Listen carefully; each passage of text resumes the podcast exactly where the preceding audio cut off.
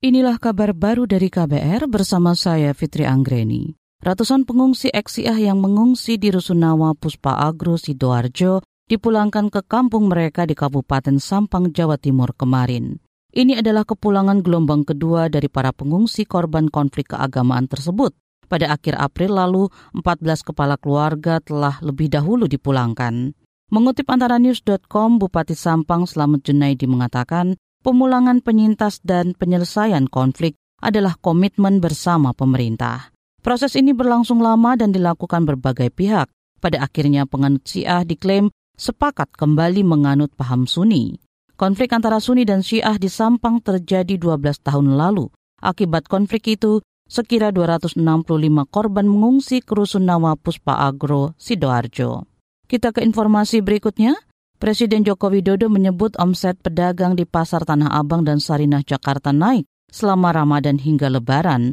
Ini disampaikan Jokowi usai mengunjungi kedua pusat perbelanjaan tersebut kemarin melihat dan menanyakan kepada pedagang mengenai penjualannya selama Ramadan sebelum Lebaran. Apakah ada kenaikan, apakah ada penurunan, dan semuanya menyampaikan pada saya ada yang naik omsetnya 80 persen, ada yang naik 60 persen, ada yang naik 50 persen, tapi semuanya hampir naik. Ini saya kira bagus. Presiden Jokowi menyebut peningkatan penjualan itu sesuai yang ditargetkan pemerintah.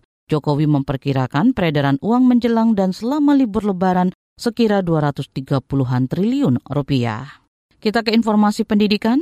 Sebagian kalangan legislatif menyebut perbaikan fasilitas belajar menjadi tanggung jawab pemerintah. Perbaikan itu menjadi salah satu upaya memperbaiki pendidikan di Indonesia. Anggota Komisi Pendidikan DPR Ledia Hanifah Amaliah menyebut sejumlah fasilitas pendidikan formal yang perlu diperbaiki karena beberapa kali menuai masalah ruang kelas rusak, fasilitas belajar yang tidak memadai, laboratorium yang tidak mencukupi, dan masih banyak hal lagi.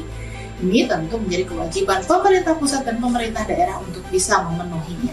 Kita juga tahu bahwa pendidik kita, para guru, semestinya juga menjadi orang yang paling depan ditingkatkan kemampuannya dan mereka menjadi teladan bagi anak-anak kita. Dan kita juga melihat bahwa mereka harus kita dorong agar bisa mendapatkan kesejahteraan yang baik. Tak hanya guru, kata Lydia, orang tua juga punya peran dalam mendidik anak di rumah, sebab pendidikan pertama berasal dari rumah. Kritik itu disampaikan bertepatan dengan Hari Pendidikan Nasional yang dirayakan Saban 2 Mei.